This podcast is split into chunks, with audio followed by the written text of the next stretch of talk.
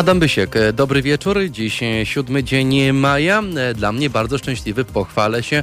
Udało zapisać mi się na szczepienie przeciwko COVID-19. Jeżeli są Państwo ciekawi, to będzie to w takim razie AstraZeneca. Dostałem już SMS, a więc świętuję. No niestety nie miałem tyle szczęścia co Państwo, bo mnóstwo wiadomości na fanpage dostaję z Państwa screenami z ekranów, mm, które są dowodem na to, że dziś rejestracja, dziś pierwsza iniekcja. No ja niestety mm, będę musiał poczekać do 22 maja. Wówczas pójdę na Stadion Narodowy i tam e, przejmę pierwszą e, dawkę. Później Państwu powiem e, kilka sytuacji, które pojawiły się w oku tej rejestracji. Nie było to dość łatwe i przyjemne. Wbrew pozorom mogą się Państwo nie zgodzić. Szczegóły mm, po godzinie 19.40. Natomiast teraz zerknijmy w kalendarz, zobaczmy co dziś nas czeka, ale też jaki dziś mamy dzień nie tylko tygodnia. Wiemy, że jest piątek, wiemy, że jest piątek weekendu, początek. Wiemy, że też większość z nas dziś zacznie odpoczynek swój, mm, e, no wiosenno jeszcze bym powiedział taki jesienny, patrząc za okno, relaks i chillout. Tego też Państwu życzę, bo dziś to w końcu 120 już ósmy dzień roku. Mm, To oznacza, że coraz bliżej wakacji. Ci, którzy tęsknią za słońcem z pewnością odliczają dni do lata. Mam dobre informacje, w niedzielę będzie świecić słońce i w niedzielę, uwaga, ponad 20 stopni Celsjusza w całej Polsce.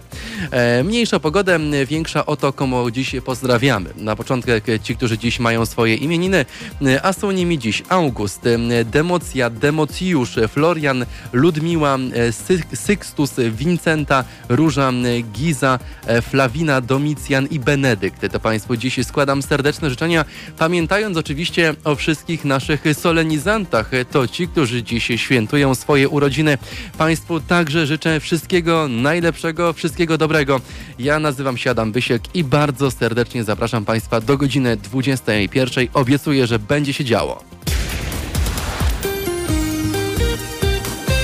A jako, że będzie się działo, to i też muszą być z nami goście, by działo się jeszcze więcej w studio dziś. Antoni Henryk Raciborski i temat bardzo ważny.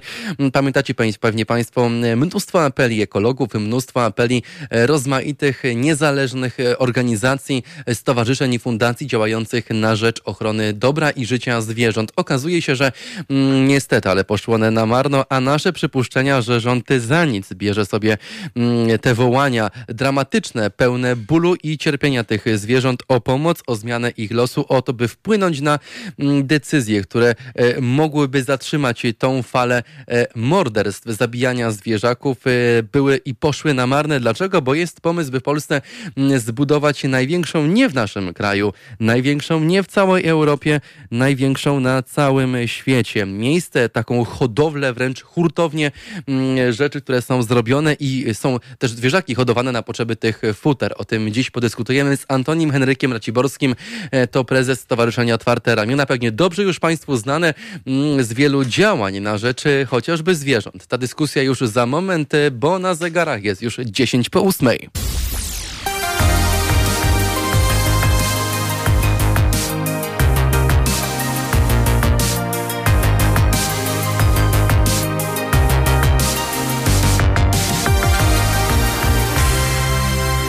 15 po 7, dziś siódmy dzień maja. Szanowni Państwo, w reakcji na plany budowy w Polsce największego centrum handlu naturalnymi futrami Stowarzyszenie Otwarte Ramiona znów nie jest bierne, znów jest aktywne i znów składa w tym razem mm, z, razem z posłem do Parlamentu Europejskiego Robertem Biedroniem pisma z prośbą o interwencję do Europejskiego Komisarza do spraw rolnictwa i rozwoju wsi, do ministra Grzegorza Pudy oraz do prezydenta Radomia, gdzie interwencja miałaby, gdzie inwestycja, przepraszam, miałaby powstać. O tej inwestycji, o tych działaniach na rzecz tego, by przestać, zaprzestać się tej budowy, mm, żeby całkowicie do kosza ten idiotyczny pomysł wyrzucić. Podyskutujemy dziś z naszym gościem, a jest nim dobrze już Państwu znany mm, prezes Stowarzyszenia Otwarte Ramiona Antoni Henryk Raciborski. Dobry wieczór Antoni, witam Cię gorąco i serdecznie.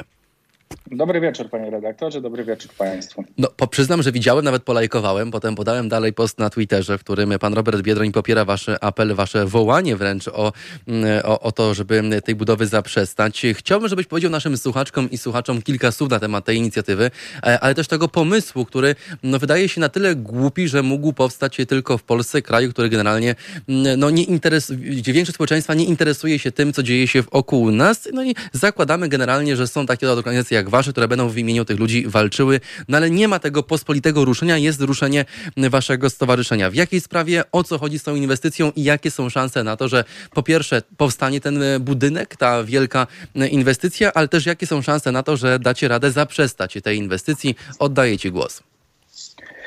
To jeśli chodzi o samą inicjatywę, no to jest inicjatywa, która jest konsekwencją zamknięcia takiej giełdy, yy, która miała miejsce w Danii przez wiele, wiele lat. Yy, kiedy przyszedł koronawirus, okazało się, że zwierzęta futerkowe, dokładnie chodzi o norki, zarażają się też koronawirusem i mogą być, mogą tego koronawirusa też przenosić na ludzi.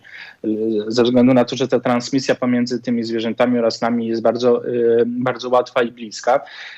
No więc Duńczycy podjęli decyzję o zamknięciu e, ogromnej giełdy naturalnych futer e, i wtedy e, pan, pan baron futrzarski w Polsce, pan Wójcik, podjął decyzję, żeby w takim razie tą giełdę przenieść do Polski.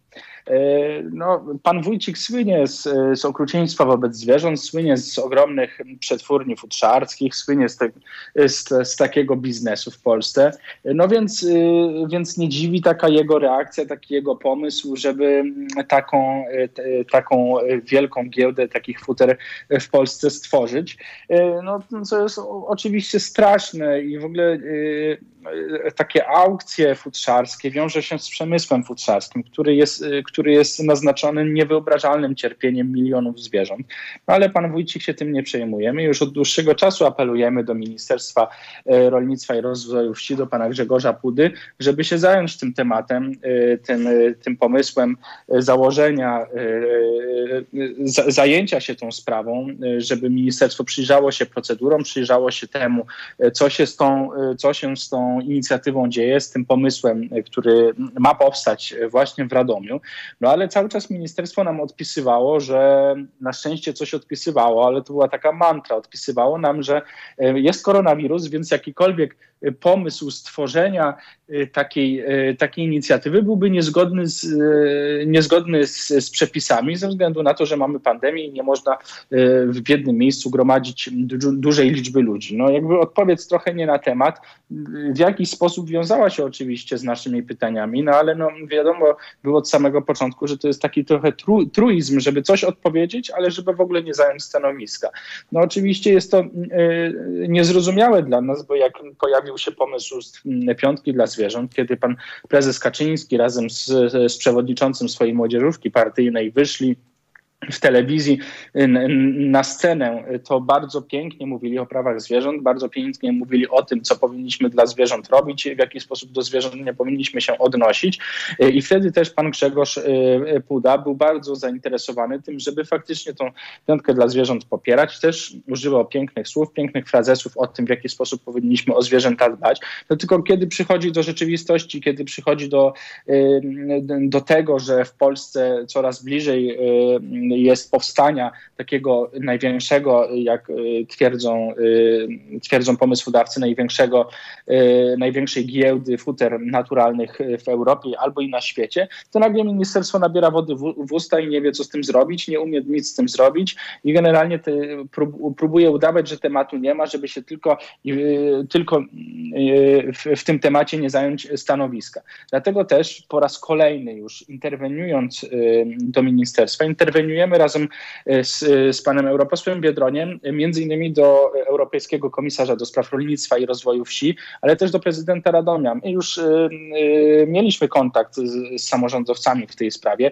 Też ratusz radomski się wypowiadał w tej sprawie, że do ratusza w tym momencie nie wpłynęły jeszcze jakieś oficjalne wnioski, oficjalne zapytania o budowę takiej y, inwestycji. Natomiast y, być może, bo to było już parę miesięcy temu, ten ostatni sygnał od ratusza radomskiego, być może już się jakieś dokumenty pojawiły, być może już jakieś wnioski zostały złożone, więc chcemy, chcemy o to spytać. Pytamy o to, na jakim etapie, czy te rozmowy w ogóle są prowadzone i na jakim etapie. No a do pana ministra po raz kolejny uderzamy z, z prośbą o reakcję, bo ten argument, że taka inicjatywa, taka inwestycja podczas pandemii y, będzie nielegalna, no powoli przestaje mieć rację bytu, bo powoli taką prawną, obostrzeniową pandemię w Polsce kończymy, bo przecież dzisiaj, od dzisiaj mamy częściowo otwarte hotele, 50% obłożenia w całym kraju, ale te hotele już są otwierane od 15,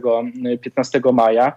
Przestajemy nosić maseczki i od północy możemy siedzieć w ogródkach restauracyjnych i w pubach. Więc no, te argumenty ministerstwa, które cały czas ministerstwo utrzymywało, cały czas tymi argumentami szefowało, no powoli przestają mieć rację bytu. No to w takim razie czekamy na nowe argumenty. Może w końcu ministerstwo przestanie używać tych truizmów, a zacznie faktycznie szukać jakichś odpowiedzi, zacznie się tą sprawą interesować i analizować, w jaki sposób do tej sprawy podejść. Y, ten cały, ta cała inwestycja ma też takie drugie dno, ponieważ y, w tej inwestycji największym udziałowcem, największym inwestorem jest China Leather Industry Association. Y, chińskie pieniądze, nie wiadomo skąd, nie wiadomo po co i nie wiadomo w ogóle dlaczego jeszcze w Unii Europejskiej nagle pojawia się chiński inwestor.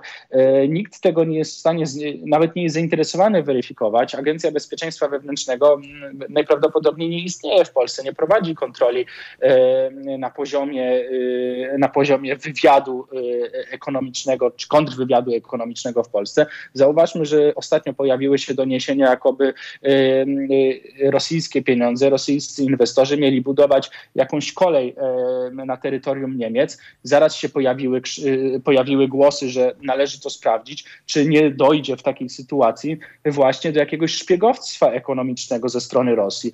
Pojawiają się u nas za to pieniądze chińskie, to nie ma znaczenia, czy to jest akurat twardy przemysł, jakim jest chociaż kolejnictwo, y, czy to jest jakiś, jakaś rodzaj miękkiego przemysłu rolniczego w tym wypadku, czyli y, fermy futerkowe, czy giełda futerkowe, no też możemy tutaj mieć miejsce, może być tutaj miejsce szpiegostwo ekonomiczne. Nikt tego nie weryfikuje. Państwo polskie umywa ręce wobec wielkiego, mm, wielkiego przemysłu, jakim jest przemysł chiński. No w tej sprawie mm, popełnia, popełniane są bez przerwy kolejne to błędy, y, które w, w, całym tym, w całym tym zamieszaniu skończą się jednym stratą państwa polskiego. Po powstanie na terytorium państwa wielka giełda mm, futerkowa, która będzie się wiązała z rozwojem przemysłu futerkowego w Polsce, a przemysł futerkowy w Polsce to nie tylko cierpienie milionów zwierząt, ogromne cierpienie tych zwierząt, ale także ogromne zanieczyszczenie mm, przestrzeni y, środowiskowej dla osób mieszkających w pobliżu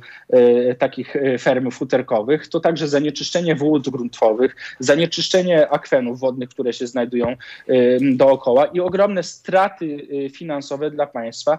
Y, to też są takie argumenty, które stoją w kontrze wobec tego, co podnoszą sami pomysłodawcy, czyli na przykład pan, y, pan Wójcik, czyli to, że państwo polskie dzięki rozwojowi przemysłu futrzarskiego będzie miało jakieś mityczne, gigantyczne dochody z, ze zwrotu podatku, czy z spłaconego podatku, czy, czy z, samego, z samego rozwoju biznesu później się okazuje, że faktyczne przychody państwa to jest jedna dziesięciotysięczna PKB całego kraju. No, to pokazuje, że te przychody państwa nie dość, że nie istnieją, to, to jeszcze mamy gigantyczne możliwe straty i środowiskowe, i etyczne, i moralne i, i do tego staniemy się taką krwawą mapą, yy, krwawą plamą na mapie Unii Europejskiej, jeśli chodzi właśnie o rolnictwo.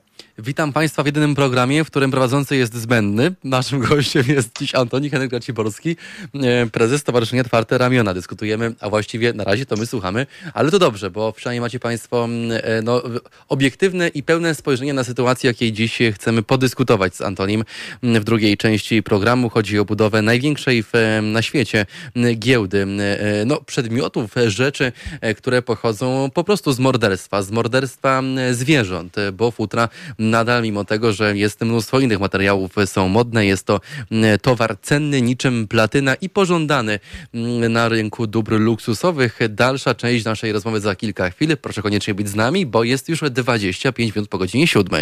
www.zrzutka.pl ukośnik Halo Radio. 10 zł miesięcznie. Od połowy z ponad 300 tysięcy naszych słuchaczek i słuchaczy pozwoli nam działać tak, jak powinniśmy, czyli poruszać tematy nieobecne w mediach korporacyjnych a przede wszystkim obnażać intencje i działania władzy przy jednoczesnym pytaniu opozycji o konkrety. a nie nienawidzić władzy i kochać opozycję, bo nie o to chodzi, zarówno w dziennikarstwie, jak i wśród nas wszystkich. Mówi profesor doktor habilitowany Ryszard Cichocki, socjolog z Uniwersytetu Adama Mickiewicza w Poznaniu. O, to jest piękny wskaźnik na koniec. Istotą kompetencji obywatelskiej jest to, czy mamy krytyczny stosunek do polityków i każdego polityka od, y, od, oceniamy krytycznie, czy zakochujemy się w politykach. Zakochują się w politykach ludzie o małych rozumkach, bez kompetencji, prawda? Jak się zakochujemy, to już jest źle. Tak nieważne, kim ten polityk jest. Wszystkie informacje na temat możliwości wspierania Halo Radia, w tym płatności elektronicznych i zwykłych przelewów bankowych, na stronie www.halo.radio ukośnik SOS. Polecamy też nasze konto na www.zrzutka.pl ukośnik Halo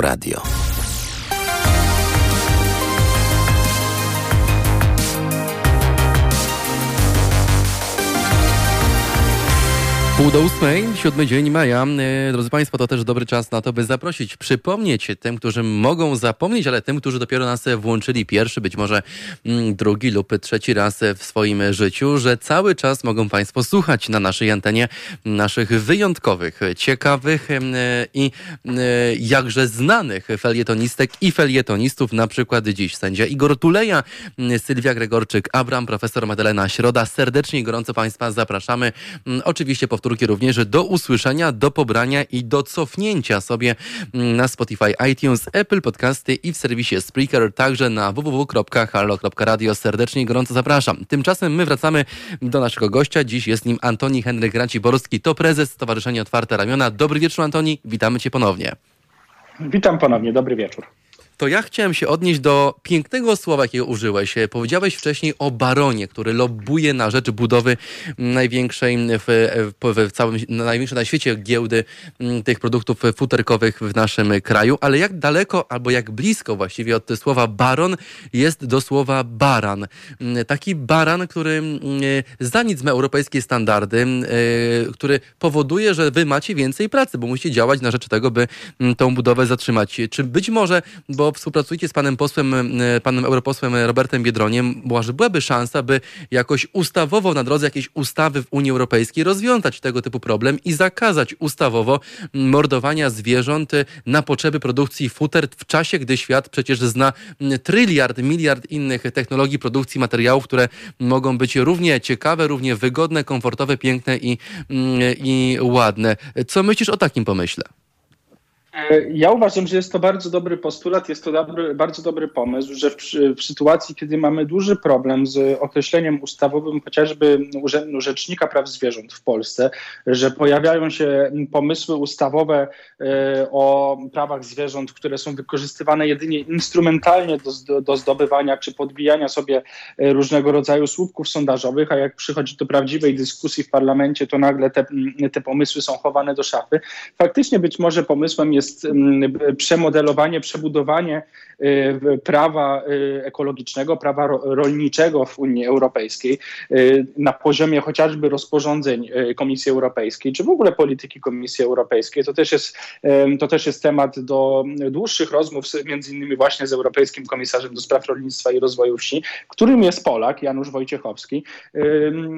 Być może, jeśli porozumiemy się, dogadamy się z panem posłem Biodroniem, przewodniczącym delegacji lewicy w e, Parlamencie Europejskim, e, moglibyśmy do takiego spotkania doprowadzić i się e, w porozumieniu także z innymi organizacjami pozarządowymi w Polsce, ale także w całej Unii Europejskiej, czy to Francji, czy to Niemczech, czy Włoszech, czy na Malcie, żeby, żeby się spotkać i zacząć budować, zacząć budować takie, takie jednolite prawo dla Unii Europejskiej. Jeśli chodzi o sam przemysł futerkowy, to te ruchy są prowadzone równolegle w wielu, w wielu krajach, między innymi we Francji, gdzie e, co, coraz szersze są, coraz szerzej popularne są zakazy tego typu działalności.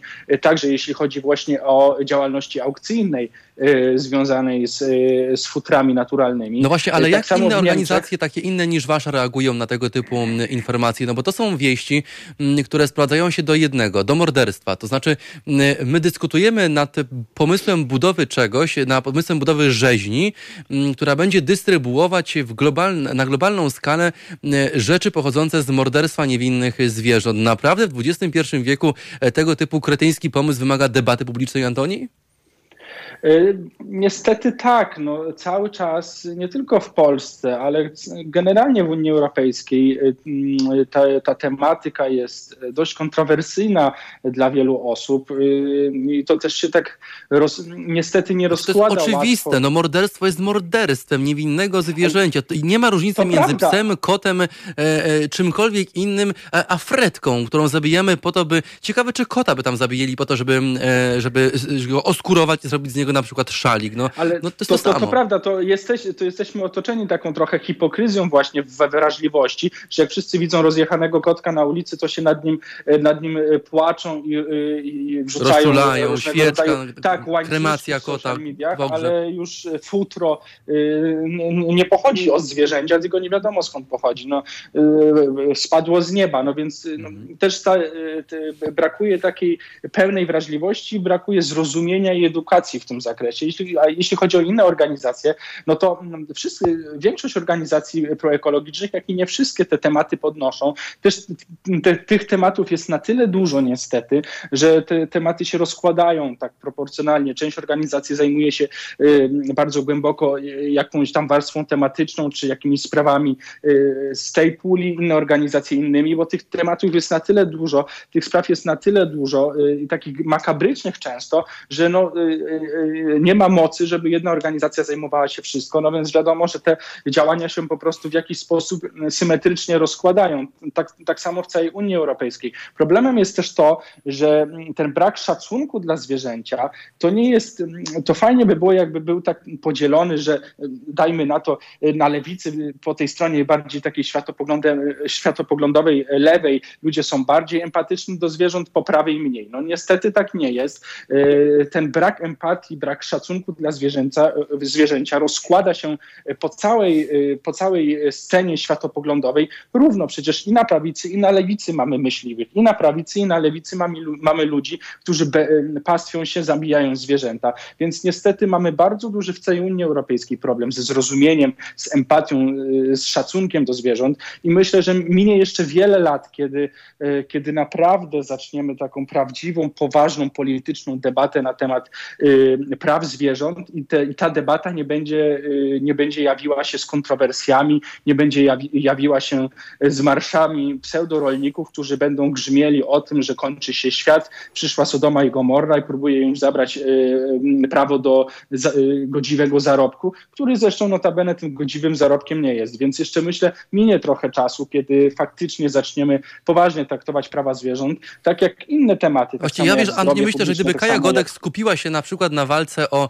e, nie e, prawo do e, jestestwa zygoty, a na prawo do życia żywego, chodzącego, dychającego, jedzącego i pijącego, załatwiającego swoje potrzeby fizjologiczne zwierzęcia, to byłoby to lepszym pomysłem. No niestety dziś pewnie czytałeś, co działo się na słynnej patelni w Warszawie. Taka mała dygresja, przepraszam od tematu, ale też mówimy o życiu, tym razem zwierząt. Chciałem cię w takim razie spytać o szansę, no bo to jednak jest, jak mówiliśmy wcześniej, jak też piszecie w swoim, w swoim mailu do naszej, do naszej redakcji, ale też w, w swoim piśmie i apelu mm, o to, by zaprzestać budowy i w ogóle dyskusji, debaty nad pomysłem budowy tego typu giełdy, no to jest jednak zasięg globalny, więc myślisz, że mm, te stowarzyszenia, takie jak wasze, o e, ogólnopolskim już zasięgu, będą w stanie stawić czynny opór tego typu idei?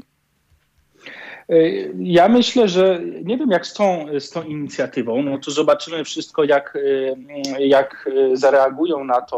To jest już walka Dawida z Goliatem, nie? Trochę tak, no jest to kolejna nasza interwencja, bo poprzednio, tak jak mówiłem w poprzedniej części, no nie spotkały się z jakąś poważną debatą, poważną odpowiedzią ze strony władzy. Dlatego też e, uderzamy teraz do, do komisarza europejskiego, właśnie do instytucji europejskich. Natomiast no, na pewno nie odpuścimy, będziemy cały czas walczyć. No to jest kolejny krok, już raz, raz weszliśmy na ten, na ten poziom europejski i na pewno będziemy gdzieś tam dążyli do tego, żeby ta sprawa na pewno nie została uciszona, na pewno nie została zamknięta zamknięta gdzieś e, w jakichś przestrzeniach, gdzie już się o tym nie dyskutuje, inwestycja ruszyła, e, tylko żeby faktycznie zablokować tę inicjatywę i żeby zablokować też na przyszłość inne tego typu pomysły, najlepiej właśnie w całej Unii Europejskiej. Więc e, tutaj wchodzimy już w kolejny krok, tak jak zresztą trzy miesiące temu interweniowaliśmy i mówiłem, że, że, że na pewno się nie zatrzymamy. Tak, no, to jest dowód tego, że idziemy dalej, wchodzimy na wyższy poziom interwencji w tej sprawie, no i zobaczymy, zobaczymy, co będzie dalej. Jeśli dojdzie do takiej, do, dojdzie do budowy już tej inwestycji, no to cóż, przyjdzie nam tam pojechać i będziemy po prostu blokowali y, y, sami tą inwestycję. Mm, niestety czasem trzeba się, albo stety trzeba się mm, także y, posuwać do tego typu działań, no ale no, czasami po prostu nie ma wyjścia. No, nie ma środków, które są, które są nieadekwatne wobec takiego milionowego cierpienia istot, jakimi są właśnie zwierzęta futerkowe. Do rzezi na hurtową skalę, przypomnijmy, do, do, tak do precyzowania. Antoni Henryk Raciborski dziś Państwa i moim gościem na antenie Halo Radia. Dziękuję Ci za e, ciekawą i e, konkretną rozmowę na konkretny temat, konkretny temat morderstwa.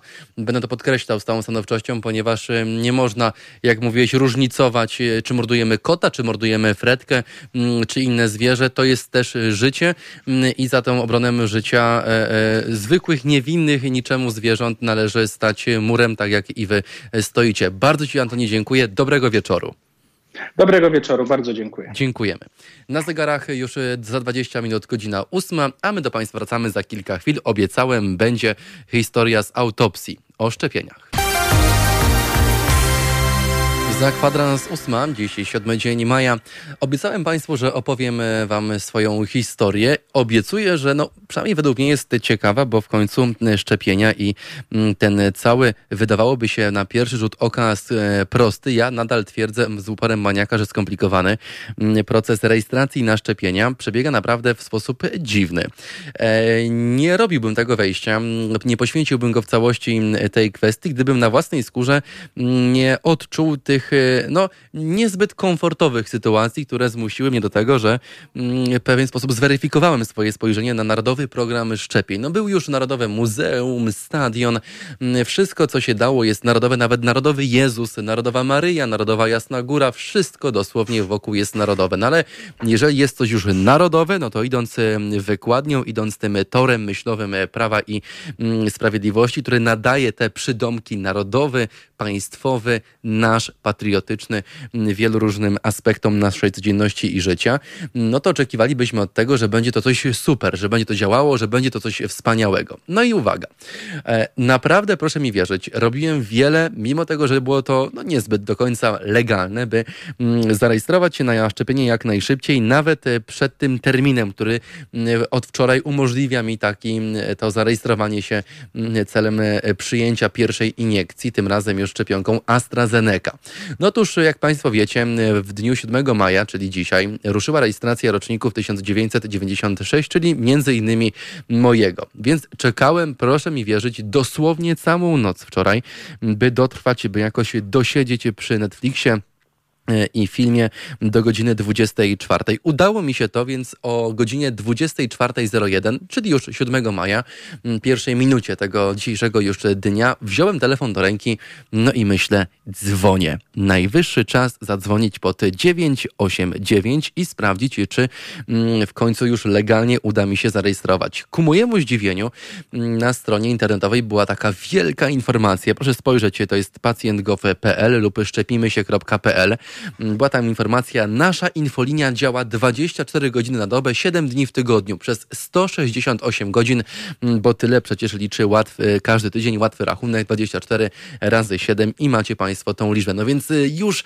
y, pełen mm, dobrego nastawienia, już gotowy do tego, by wręcz wsiąść w Ubera i pojechać na mm, ten zaszczyk, dzwonię. Czekam minutę czekamy dwie, czekamy 10, minęło już 20 minut, w końcu minęło ich 30, myślę, no nie.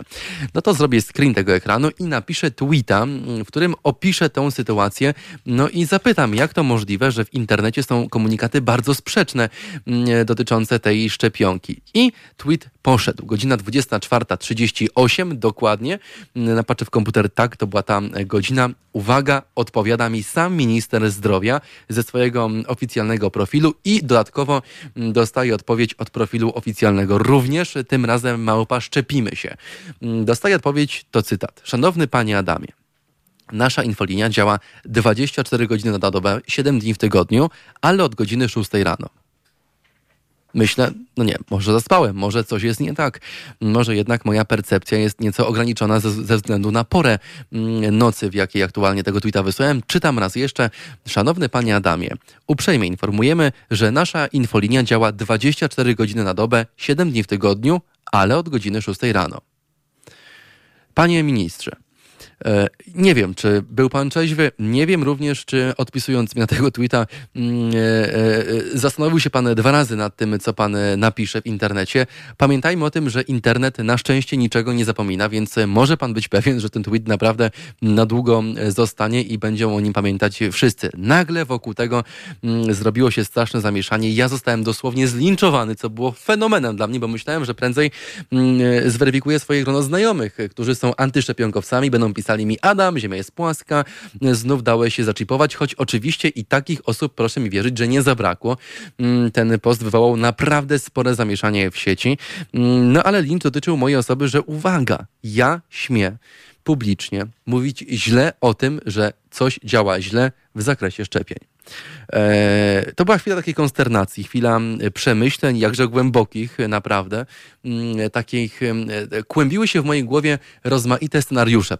jeden polegał na tym, że no faktycznie e, zrobiłem coś złego, działam antypolsko, jest, nie, nie jestem patriotą, godzę w podstawowe polskie, nasze patriotyczne, jakże narodowe wartości.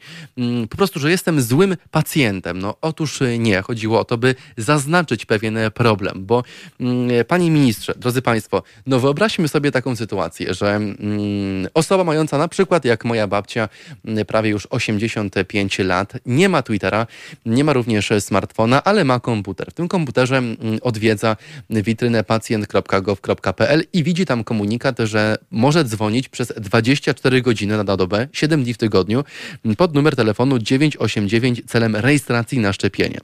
E, wykonuje taki telefon i cierpliwie czeka, no bo rozumie, że przecież kilka kilkanaście tysięcy ludzi w tym momencie dzwoni, kilkaset tysięcy ludzi chce tej rejestracji dokonać, więc no liczy się z pewnym, mm, z pewną konsekwencją oczekiwania, z pewną konsekwencją straty mm, czasu, no ale czeka cierpliwie, no bo to w końcu coś, co mm, e, no, zapobiega transmisji wirusa, no i wpływa dobrze na ogół na całe społeczeństwo. Czeka do godziny czwartej rano, do godziny piątej rano, aż jest godzina szósta i nagle mm, ktoś ten telefon odbiera. No nie zmuszajmy ludzi do tego, by czekali przy telefonie 6 godzin.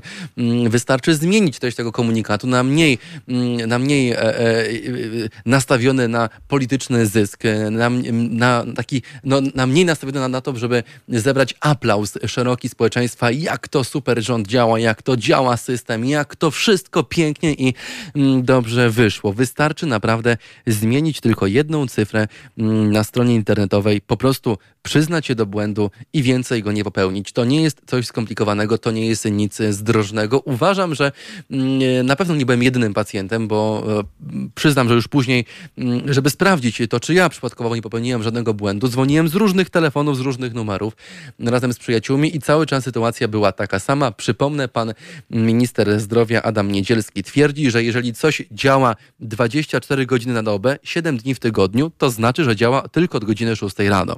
No trochę się pan minister minął z prawdą. Mam nadzieję, że państwu te szczepionki poszły znacznie sprawniej niż mi.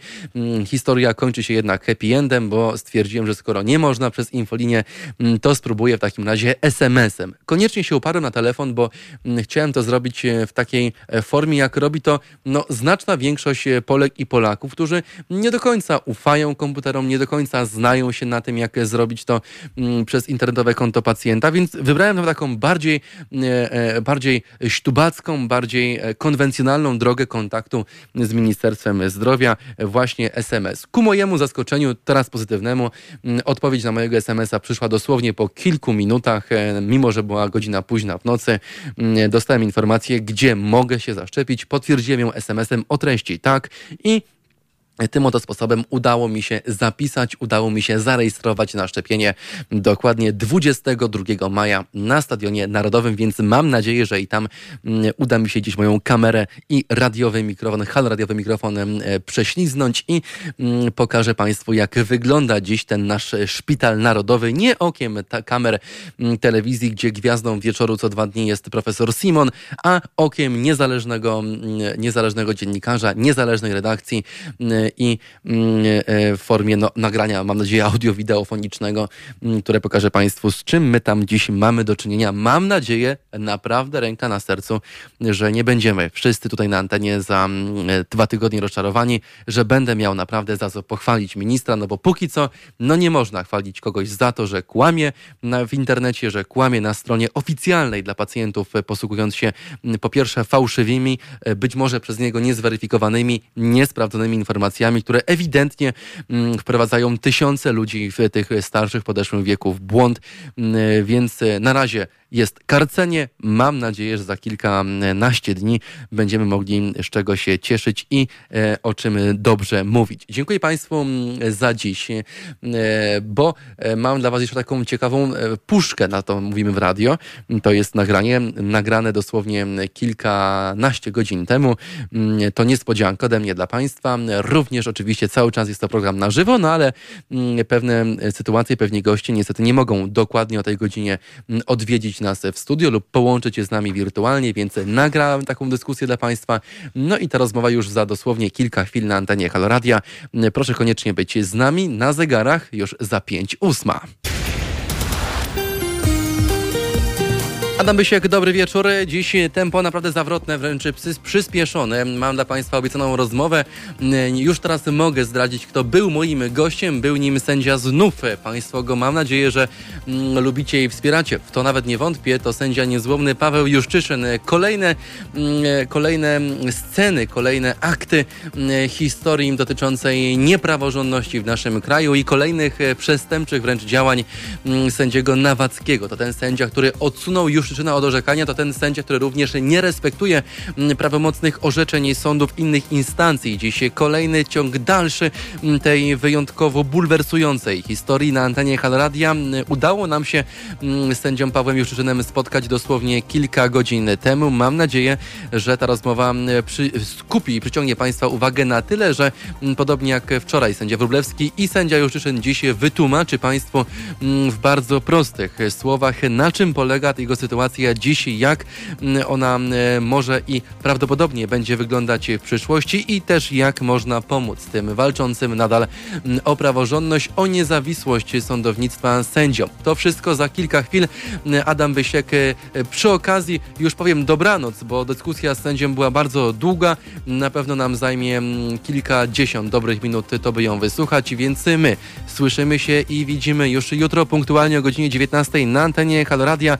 Póki póki co dobrej nocy, ale jeszcze lepszego odsłuchania wywiadu, rozmowy programu z udziałem sędziego Pawła Juszczyczyna. Adam Bysiek, gorąco zapraszam do 21. A więc teraz sędzia Paweł Juszczyszyn będzie na naszej antenie gościł. Ja już się pożegnałem, no to może puścimy już rozmowę, bo ona trwa kilka dobrych minut. Zapraszam raz jeszcze serdecznie, a ja kłaniam się nisko, naprawdę do samej ziemi. E, uciekam szukać parasola, bo w Warszawie leje. Mam nadzieję, że u Państwa mm, pogoda nieco lepsza niż dziś u nas w stolicy. Wszyscy przecież czekamy na to, aż to słońce mm, wyjrzy z chmur, aż w końcu, mimo że nie na majówce, to będziemy mogli, ale w maju cieszyć się tym słońcem słońcem i piękną pogodą. Tego i sobie i Państwu życzę mm, dobrego, spokojnego weekendu, ciekawego wieczoru, no i oczywiście jeszcze ciekawszego wieczoru z udziałem sędziego Pawła Juszczyszyna, który już teraz na antenie Haloradia. 19 kwietnia, 19.04 również dziś Państwa i moim gościem jest kolejny z tych represjonowanych sędziów, sędziów niezłomnych, sędzia Paweł Juszczyszyn. Dobry, panie sędzio, witam serdecznie. Dzień dobry. Panie sędzio, wydawało mi się, że 19 dzień kwietnia będzie dla Pana dniem i momentem przełomowym. Przełomowym, odkąd niestety nie może Pan wykonywać swoich obowiązków służbowych. Dziś jest Pan, pana, pan naszym gościem, ale wcześniej był Pan dziś w pracy. Domagał się Pan możliwości orzekania, możliwości wykonywania swoich obowiązków służbowych, bo jest prawomocna decyzja w Pana sprawie, która dopuszcza Pana do orzekania. Niestety prezes Sądu Okręgowego w Olsztynie odmówił Panu tej możliwości i mimo tego, że nie odwołał się formalnie od tej decyzji, e, stwierdził, że nie, bo nie. Więc panie sędzio, e, skoro nie, bo nie, to kto rozliczy tego sędziego za podjęcie tak kuriozalnej, e, tak haniebnej decyzji w pana sprawie, wręcz nieludzkiej decyzji? Zgadzam się, że mamy do czynienia z kuriozalną i haniebną, haniebnym zachowaniem prezesa Sądu Rejonowego w Olsztynie, e, nominata politycznego, powołanego przez ministra sprawiedliwości na podstawie takiej specustawy, e, wybranego przez polityków do upolitycznionej Krajowej Rady Sądownictwa.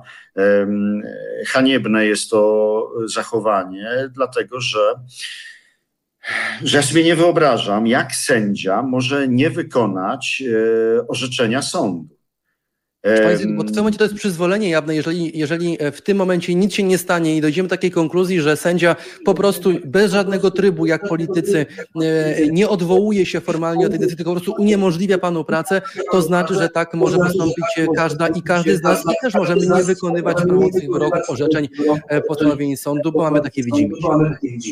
Dokładnie tak. To, co robi e, prezes Nawacki, to jest stawianie się ponad prawem.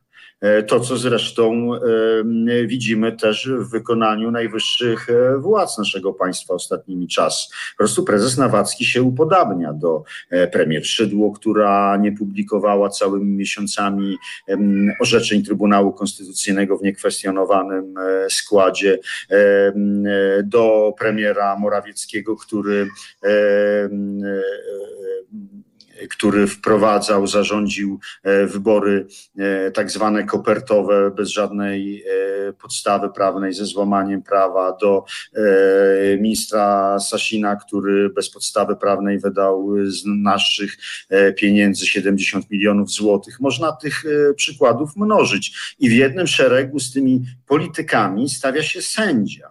Sędzia, który ma stać na straży prawa, a je łamie. Łamie je w sposób e, oczywisty, rażący e, i taki jeszcze do tego arogancki. Postanowienie Sądu Rejonowego w Bydgoszczy e, jest skuteczne i wykonalne. Z chwilą jego wydania, już właściwie od, od 14 kwietnia, e, powinienem e, wrócić do pracy, do orzekania, do służby na rzecz współobywateli. I to nie pozostanie bez konsekwencji. E, w pierwszym rzędzie należy wskazać na to, że e, prezes Nawacki naraża się e, na odpowiedzialność i dyscyplinarną, i karną. Już Ale on wiemy, że jej nie poniesie, no bo jeżeli do tej pory jej nie poniósł, mimo tego, że pana nękał, represjonował, on dalej jest bezkarny i kładzie się, jak mówiłem wcześniej, sędziowi Idorowi Tulei, w poczuciu całkowitej bezkarności i dobrze spełnionego w jego mniemaniu obowiązku. Kto go za to rozliczy? Tak, zgadzam się, że w tej chwili e, prezes Nawacki jest chroniony przez swoich e, politycznych protektorów i że i zgadzam się z tym, że w tej chwili specjalnie nie można liczyć na prokuraturę, bo ona niestety e, utraciła niezależność, jest całkowicie podporządkowana politykowi ministrowi Zbigniewowi Ziobrze. Natomiast my z moim pełnomocnikiem, profesorem Michałem Romanowskim, będziemy wykorzystywać instrumenty, jakie daje nam kodeks postępowania cywilnego. A one są całkiem poważne i mogą być bardzo dotkliwe.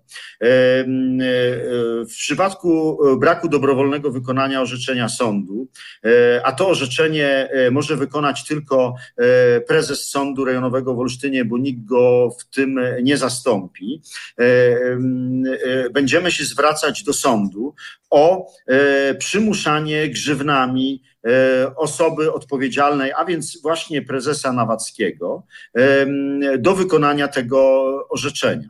Takie grzywny, pierwsze dwie mogą być wymierzone w wysokości do 15 tysięcy złotych, ale już kolejne, bo tych grzywien może być wiele, jeśli będziemy mieli do czynienia z uporczywym odmawianiem wykonania orzeczenia bydgoskiego sądu. Takie grzywny w sumie można, w sumie można wymierzyć w łącznej wysokości do 1 miliona złotych. W razie uporczywego uchylania się od wykonania orzeczenia i e, nie, nie, nie, nie płacenia tych grzywień, te grzywny można zamienić na areszt do sześciu miesięcy. E, ja mam wrażenie po dzisiejszych wystąpieniach prezesa Nawackiego, e, no, po, po którym można było widzieć jednak pewnego rodzaju zdenerwowanie, że za chwilę prezes Nawacki zostanie sam że jeśli tylko e, pozostanie bez ochrony swoich politycznych protektorów, e, zostanie sam i będzie ponosił odpowiedzialność za swoje aroganckie, jawne łamanie prawa. Myślę, panie że on już moralną odpowiedzialność poniósł. Pytam o tą prawną. Pan, e, e, no, kibicujemy, trzymamy mocno kciuki, żeby te pana działania były, mm, e, przyniosły ten oczekiwany rezultat, ale wierzy pan w to, że ten polityczny dygnitarz, który zhańbił stogę sędziego, mm, przestraszy się jakiejś kary finansowej? Ona będzie niego dotkliwa, myśli pan w ten sposób? Myślę, że tak. Myślę, że mimo wszystko tak. Poza tym e, myślę, że to też będzie e, bardzo źle wyglądało. E, jeśli wszyscy będą sędziemu Nawackiemu mówić, że postępuje źle, tak jak mówi pijanemu dziesiąta, dwudziesta osoba, idź do domu i połóż się spać, a on będzie twierdził, że nic go nie dotyczy. Ja myślę, że ta taka odpowiedzialność e, wizerunkowa, myślę, że ta odpowiedzialność przed społeczeństwem, taka etyczno-moralna, też tu ma bardzo duże znaczenie. Mhm. Ma znaczenie na pewno. Myślę, że społeczeństwo również. No dzisiaj, jak był Pan pod tym sądem, oglądałem na, na żywo zdjęcia z tego miejsca. Widziałem rzesze dziesiątek ludzi, która stała i klepała Pana, mówiąc kolokwialnie po ramieniu, mówiła: Będzie dobrze, Panie sędzio. E, być może uda się dzisiaj mm, Pan wrócić do pracy. No nie udało się. Chciałem Pana zapytać o konkrety tego zawiłego procesu prawnego, bo dla mnie niezrozumiałym jest jedna sytuacja. To znaczy, jeżeli Pan przychodzi z tym odpisem w ręku, Przedstawia Pan prawomocną decyzję. Żąda Pan tego, by móc rozpocząć swoją normalną e, pracę w normalnym, w normalnym dniu e, e, powszednim i nagle okazuje się, że Pan prezes Nawacki, przypomnę, cały czas aktywny członek pseudo, pseudoprawnej, politycznej wręcz formacji, jaką jest nielegalnie działająca Izba Dyscyplinarna Sądu Najwyższego, członek tej Izby mówi nie, ja nie, nie będę się odwoływał, jest, nie będę pisał prezes Nawacki jest członkiem KRS-u. KRS, przepraszam, KRS-u, tak, operację, KRS-u. Tak, tak. tak, również skrajnie upolitycznionej formacji, więc e, niestety. E, I on nie korzysta z tych instrumentów prawnych, które mu przecież przysługują, tylko jest sędzią, choć nie może w pana sprawie. Przecież to jest nielegalne i przestępcze działanie. Dokładnie tak, tak to oceniam. E, w mojej ocenie prezes Nawacki dziś popełnił przestępstwo. Tak samo jak popełnił przestępstwo e, niszcząc dokument. E, mówię o tej znanej chyba wszystkim e, sprawie, gdzie na oczach kamer, które sam zaprosił, podarł projekt, wniosek podpisany przez sędziów z projektami uchwał, które sędziowie Sądu Rejonowego w Olsztynie zamierzali podjąć na zebraniu sędziów. Panie sędzie, takim e, Ja chcę powiedzieć jedno. To jest dla mnie e, też e, myślę, że istotna i dla wszystkich powinna być istotna kwestia. Ja słyszę wiele takich opinii, które sprowadzają się do tego, że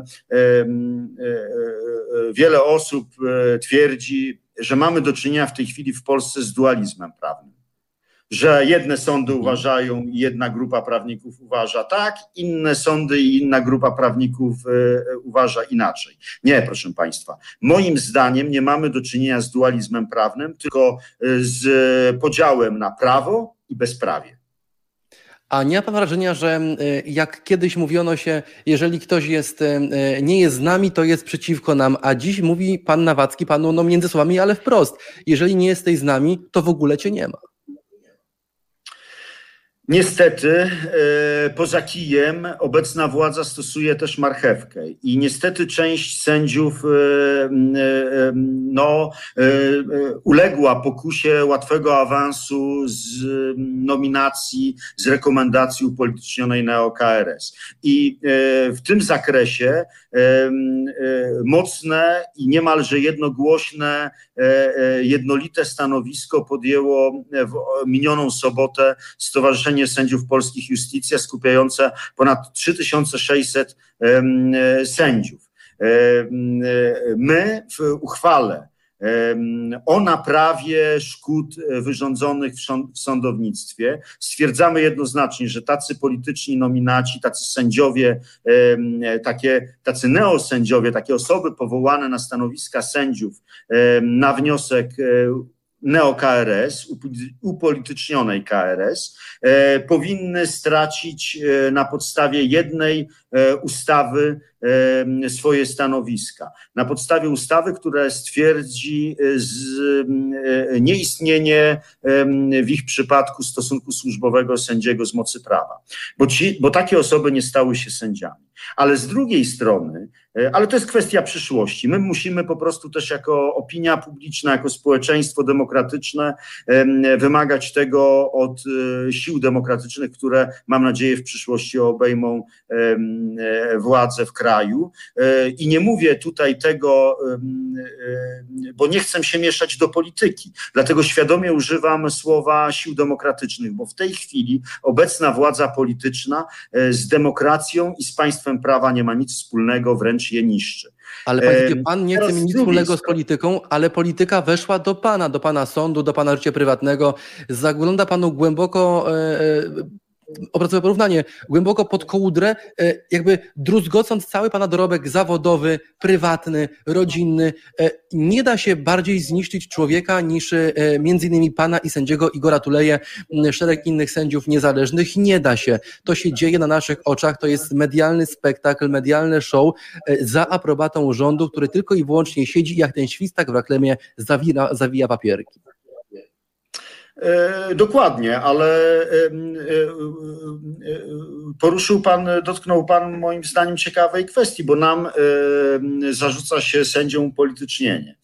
A to jest zupełnie pomieszanie pojęć, odwrócenie, postawienie wszystkiego na głowie. Bo przecież to my w tej chwili, ci niezależni, walczący o praworządność sędziowie, właśnie walczymy z upolitycznieniem polskiego no, no właśnie, sądownictwa. No, no my się właśnie temu przede wszystkim sprzeciwiamy, żeby politycy nie mieli wpływu e, na e, sądy, żeby politycy nie dyktowali, kogo zamknąć w areszcie, kogo wypuścić z aresztu, żeby to nie politycy dyktowali, czy policja e, przetrzymująca północy korzystających ze swoich konstytucyjnych praw manifestantów zatrzymała, czy nie zatrzymała, czy tylko legitymowała, czy miała prawo legitymować, legitymować, czy nie miała prawa legitymować. Y, y, my wracamy do czasów PRL-u, gdzie rzeczywiście sędziowie dzwonili na te, y, sędziowie na telefon rozstrzygali sprawę pod dyktando polityków. I w tej chwili wracam do prezesa Nawackiego. Co prezes Nawacki mhm. mówi? Ja nie wykonam orzeczenia sądu. Ja zwrócę się do pani Manowskiej Świadomie używam słowa pani Manoska, bo w mojej ocenie pani Manoska nie została legalnie wybrana na stanowisko pierwszego prezesa Sądu Najwyższego mhm. i zwróci się do pan prezes Nawacki, zapowiedział, Czyli że zwróci swoi się wrócą się do, do swoich po to, by dostać wyrok dla nie swoich. Tak, dokładnie. Dokończę myśl, że zwróci się, e, na, na, e, pan prezes Nawacki zapowiedział, że zwróci się też do pana Majchrowskiego, stojącego na czele Izby Dyscyplinarnej, organu, który jest obsadzony w całości przez, politycz, przez upolitycznioną KRS po 15-minutowych konkursach, po, ludźmi w dużej mierze powiązanymi z ministrem sprawiedliwości, który już zamykając tą kwestię, nie spełnia standardów tego, by go nazwać, e, e, by ją nazwać sądem. Mhm. I prezes Nawacki, niczym e, taki dyspozycyjny sędzia, zwraca się do tych, do tych osób, politycznych nominatów, z zapytaniem, co on ma zrobić kreując pozorne, po, pozorne wątpliwości, e, e, czy postanowienie sądu bydgoskiego e, jest wykonalne, czy nie. Panie sędzio, zapytam w takim razie z innej e, beczki, bo e, pół godziny przed dyskusją z panem rozmawiałem na tej samej antenie z sędzią Igorem Tuleją mm, i zadałem mu e, bardzo proste pytanie, bo jak gdzieś patrzyłem na to, co działo się w telewizji, na to, jak pan po prostu szedł do pracy, co nie powinno nikogo dziwić, no w tych okolicznościach powinno, ale gdyby to państwo było normalne, gdyby uczciwi mm, politycy, sędziowie wykonywali swoje obowiązki, to pan nie był w takiej sytuacji patowej, jak jest pan postawiony dziś. Miałem wrażenie, że niestety, ale na bardzo kruchym fundamencie pana po prostu, po prostu ludzkiej krzywdy buduje się oglądalność, buduje się zasięgi pewnych stacji, staje się pan atakiem bezprecedensowego ataku ze strony tak zwanych mediów narodowych, państwowych, prawicowych, politycznych. Ja już się gubię w tych pojęciach. Czy pan jako zwykły człowiek, nie, nie jest panu przykro, że prezes, który jest pana przełożonym, odmawia panu po pierwsze możliwości pracy, po drugie udowadnia, że jest po prostu przestępcą, następnie jest pan wręcz kopany, e, wyflogany przez te wszystkie reżimowe stacje na prawo i lewo, tylko dlatego, że chce pan cholera, ale bronić prawa? Y, y, mnie to jakby y, osobiście jakby nie, nie, nie, nie, de, nie, dezink, nie dezintegruje. Ja jestem mhm. jakby E, zwarty i gotowy do dalszego oporu, czy wręcz e, walki. Natomiast e, smuci mnie, ale upadek obyczajów, upadek generalnie cywilizowanych rządów prawa, bo, bo rządy prawa są gwarantem bezpieczeństwa i wolności dla obywateli. Prawo możemy na nie spojrzeć w ten sposób, że przez wytyczenie pewnych granic, E, e, mówi nam, co nam e, daje nam wolność, bo, bo wolność kończy się tam, gdzie się zaczyna wolność drugiego człowieka i to prawo nam reguluje. I właściwie stosowane prawo pozwala nam poszerzać nasze swobody, nasze wolności.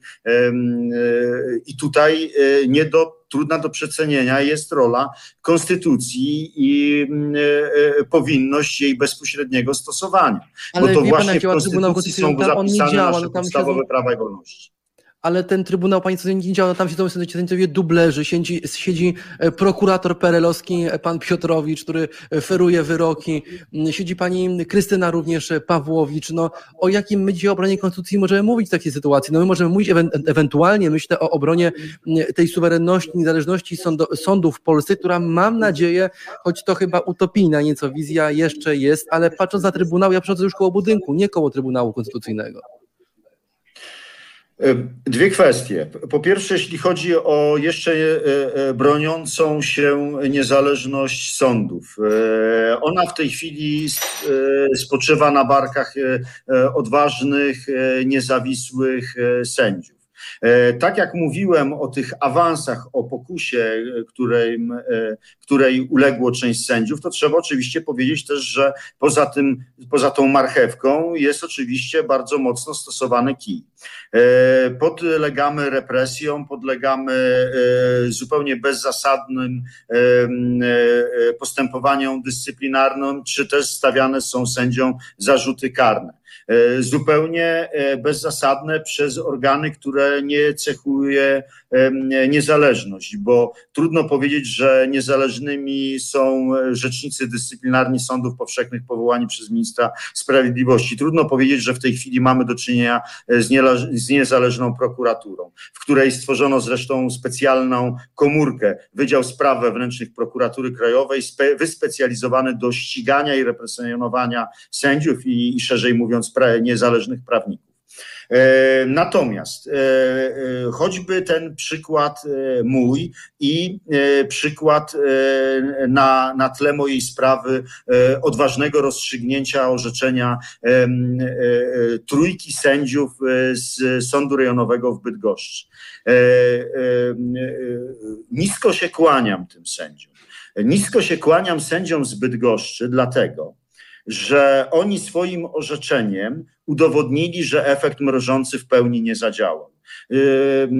Wszystkich się nie da zastraszyć. Sędziom nie wolno się bać. Yy, I yy, ukłony składam sędziom z Bydgoszczy nie dlatego, że rozstrzygnęli na moją korzyść. To jest naprawdę dla mnie drugorzędna kwestia. Bo ja tak naprawdę nie walczę tylko o siebie, tylko walczę też o, o, o prawo obywateli do niezależnego sądu, które, które uważam ja obywatelom gwarantowałem. E, natomiast, e, e, natomiast sędziowie naprawdę z Bydgoszczy pokazali też innym sędziom w Polsce, jak powinien zachować się prawdziwy, niezależny, bezstronny sąd. Bo są różne postawy w naszym środowisku. Niestety, często mamy do czynienia też z taką postawą trochę umywania rąk jak niczym piłat. E, wielu sędziów e, może nie są tak e, no, niegodni, żeby pozbawieni charakteru, żeby wprost przyznać, żeby wprost orzekać na, na zgodnie z oczekiwaniami polityków, ale e, e, duża część sędziów, no niestety tutaj e, ten efekt mrożący do pewnego stopnia działa.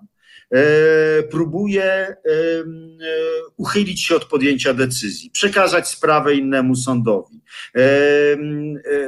To nie są odważne zachowania, to są, odwa to są zachowania zdradzające to, że sędzia się boi. I dlatego uważam, że postanowienie Sądu Rejonowego w Bydgoszczy jest tak ważne, bo intuicyjnie wyczuwam, że to może być y, moment przełomowy, że, że sędziowie z Bydgoszczy y, dają świetny przykład nasz, naszemu środowisku, innym sędziom, że nadszedł czas, że jeżeli ktoś się jeszcze wahał, jeśli jeszcze się zastanawiał, po której stronie się opowiedzieć, to już mhm. teraz e, mam nadzieję, że sędziowie uświadomią sobie, że nadszedł czas na odważne orzekanie wyłącznie na podstawie prawa i wyłącznie na podstawie swojego sędziowskiego sumienia, a nie pod dyktando polityków, nie z, e, pod presją obawy e, możliwych represji, czy będąc skuszonym perspektywą łatwego awansu.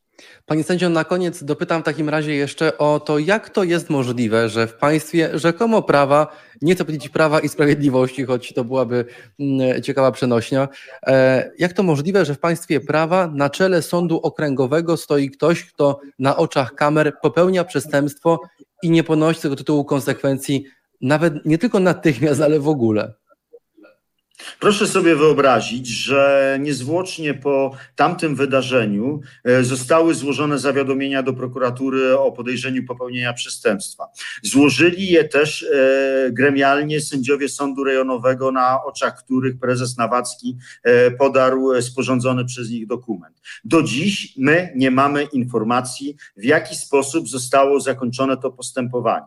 Ja domyślam się, że ciężko jest nawet w tej upolitycznionej, pozbawionej, no, pozbawionej niezależności prokuraturze znaleźć prokuratura na tyle dyspozycyjnego, żeby podpisał się pod odmową wszczęcia śledztwa bądź pod umorzeniem śledztwa w sytuacji, w której e, cała Polska widziała, jak e, prezes Nawacki popełnia przestępstwo, bo zniszczenie dokumentu jest przestępstwem. No właśnie. E, a tu sprawa dotyczy Pana osoby bezpośrednio, już tak typowo personalnie, więc tym bardziej moja, moje zastanowienie jest e, słuszne, bo e, no jeżeli nie możemy spodziewać się przestrzegania prawa po sędziach, mam na myśli sędziego prezesa pana, pana prezesa Sądu Okręgowego w Olsztynie, no to od kogo mamy tej praworządności wymagać? No to jest przykład takiej buty, takiej arogancji wobec e, pana jako e, sędziego, wobec też społeczeństwa, no bo to jest zdanie jawnego przyzwolenia na to, by każdy e, obywatel mógł nie przestrzegać tych wyroków, mógł po prostu olewać je mm, i no ma prawo do tego, by nic go nie obchodziło, jakby, no skoro sąd nie może mi nic nakazać, to kto może w takim kraju? Poniekąd się z Panem zgadzam i tylko pod, chcę powiedzieć, że tu już nie jest tak istotne to, jakie to we mnie uczucie budzi i że te działania są w jakiś sposób też skierowane do mnie. No, w dużej mierze bezpośrednio mnie one dotyczą, ale tutaj naprawdę ręce opadają, bo to jest e, przerażające e, o, o e, przejaw buty i arogancji i braku poszanowania prawa przez rzeczywiście sędziego, sędziego. To jest, to jest przerażające i jednoznacznie to muszę powiedzieć, to jest całkowicie niegodne zachowanie, niegodne sędziego i w przyszłości, jeśli tylko nie tylko e, prezes Nawacki, ale też wszystkie inne osoby, które no, zaczęły kolaborować z władzą polityczną, bo to to raczej, to ci sędziowie, to im raczej można zarzucać upolitycznienie. E, jeśli stracą tą, e, ten polityczny protektorat, protekcję, tą ochronę, myślę, że wcześniej czy później będzie trzeba po prostu e, wyciągnąć, e, pociągnąć ich do odpowiedzialności e, i sprawiedliwie osądzić. Pan powiedział na koniec, mamy dosłownie panie sędzio dwie minutki. E, sędzia Tuleja tego też się chce od, odnieść i odwołać. Powiedział mi, panie Adamie, ja nieraz już, e, bo jeżdżę komunikacją miejską tylko i wyłącznie po Warszawie, nie mam swojego samochodu, więc korzystam z dobrodziejstw tego, co daje mi miasto. Zdarzało się już wielokrotnie, że nieraz mnie ktoś opluł, popchnął, podłożył nogę w drodze do sklepu, czy po prostu zakupy. Czy panu się zdarzały takie przejawy agresji, hejtu, Mentalnie to wiem, że tak, ale, ale fizycznie, tak jak pan po prostu przejeżdża się po mieście, więcej ma pan mm, wokół siebie ludzi chcących panu pomóc, nawet tych obcych, czy więcej jest tych ludzi zawisnych, którzy są ofiarą manipulacji e, rządu, też telewizji reżimowej, różnego rodzaju pracy mediów? Na szczęście nie spotkały mnie takie osobiście, twarzą w twarz e, sytuacje. Owszem, w internecie czasami jakaś korespondencja przychodzi też y, na adres sądu, ale rzeczywiście, jeśli ja się spotykam z jakimiś przejawami, y, to raczej sympatii, solidarności, wsparcia ale może po prostu jestem mniej rozpoznawalny niż e, Igor i może to dzięki e, temu. No niestety, niestety, bo to nie jest e, nic przyjemnego. Niestety ja też do pewnego stopnia, pewnie nie w takim stopniu jak, jak Igor Tuleja, ale no, straciłem taką prywatność, bo wprawdzie sędzia jest osobą publiczną, ale powiedzmy poza Olsztynem ja czułem się dosyć anonimowo w tej chwili tę anonimowość straciłem. I nie było pan na okładce faktu lub tego typu periodyków, które są po prostu mm, taką e, karmą dla mm, ludzi nie lubiących czytać normalnej prasy. Panie sędzio, bardzo Ale dziękuję. No, Życzę tej e, solidarności bardzo. jak najwięcej, żeby e, no, ci ludzie wokół pana, pana nie opuścili. My również będziemy cały czas w każdej chwili informować o tym, co dzieje się w pana sprawie, bo to jest też misja i jest to naszą rolą, rolą dziennikarzy. Bardzo panu dziękuję. Dobrego tygodnia. No, nie w pracy, chciałbym powiedzieć, ale, ale chociaż dobrego tygodnia z obowiązkami, które Pan na pewno ma i które Panu nie brakuje. Dziękuję. Walka trwa. E, wspierajcie nas e, i e, apeluję do sędziów, orzekajcie odważnie, a do społeczeństwa wspierajcie nas, bo my, tylko my no może nie tylko my, ale e, w tej chwili po likwidacji praktycznie instytucji Rzecznika Praw Obywatelskich, naprawdę w tej chwili sądy, tylko sądy mogą zapewnić nam bezpieczeństwo i wolność to pod tym apelem też się podpisujemy. Sędzia niezłomny, niezawisły, sędzia walczący i odważny sędzia Paweł Juszczyszyn ze Stowarzyszenia Sędziów e, Justitia. Bardzo panu dziękuję. Ja tymczasem żegnam się z państwem i dziękuję za dzisiejszą rozmowę i te dwa spotkania z sędzią Igorem Tuleją i Pawłem Juszczyszynem. Oczywiście apelujemy do państwa również, by trzymać kciuki za sędziów, by pomagać, by udostępniać, by wspierać, bo to też państwa e, rola, by e, być częścią tego obywatelskiego w pełni społeczeństwa. To mój apel do państwa. Dziękuję pani sędzio, dziękuję również państwu Państwu, a my widzimy się i słyszymy już to po godzinie 18 wyjątkowo. Dziękuję pięknie.